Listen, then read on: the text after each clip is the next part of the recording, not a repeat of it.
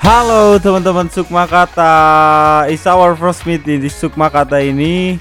Ada aku di sini Sultan yang bakal nemenin kalian beberapa menit ke depan dan seterusnya untuk di podcast Sukma Kata ini.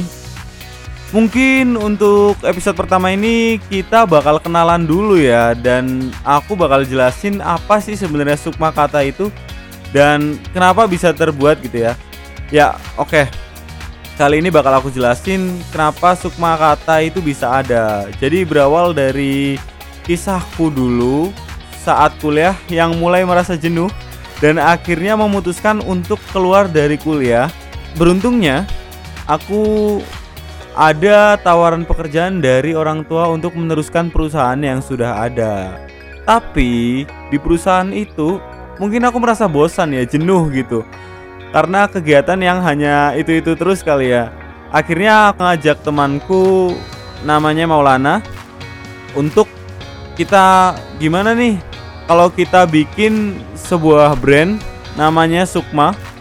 Sukma itu berasal dari kata Sultan kolaborasi Maulana dan kita itu bakal ngasih ide-ide kreatif di dalam Sukma itu kayak dari mulai bisnis clothing, mungkin podcast. Nah, kenapa bisa jadi podcast Sukma Kata? Karena kita sering nongkrong bareng dan akhirnya kita kepikiran untuk memulai podcast. Ya, walaupun ngobrol-ngobrol sedikit, tapi mungkin ada maknanya ya kali ya.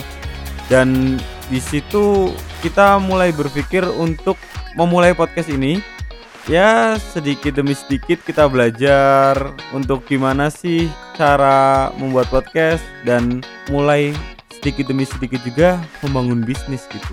Dan akhirnya ya tercipta Sukma Kata ini dan Sukma Kata bakal nemenin kalian semua untuk berbagi ilmu tentunya yang bermanfaat bagi anak muda. Nanti kita juga bakal ngundang beberapa narasumber yang kompetitif juga dalam bidangnya itu bakal jadi ilmu buat kita bersama. Segitu aja perkenalan untuk Sukma Kata kita bakal ketemu lagi di next episode. Bye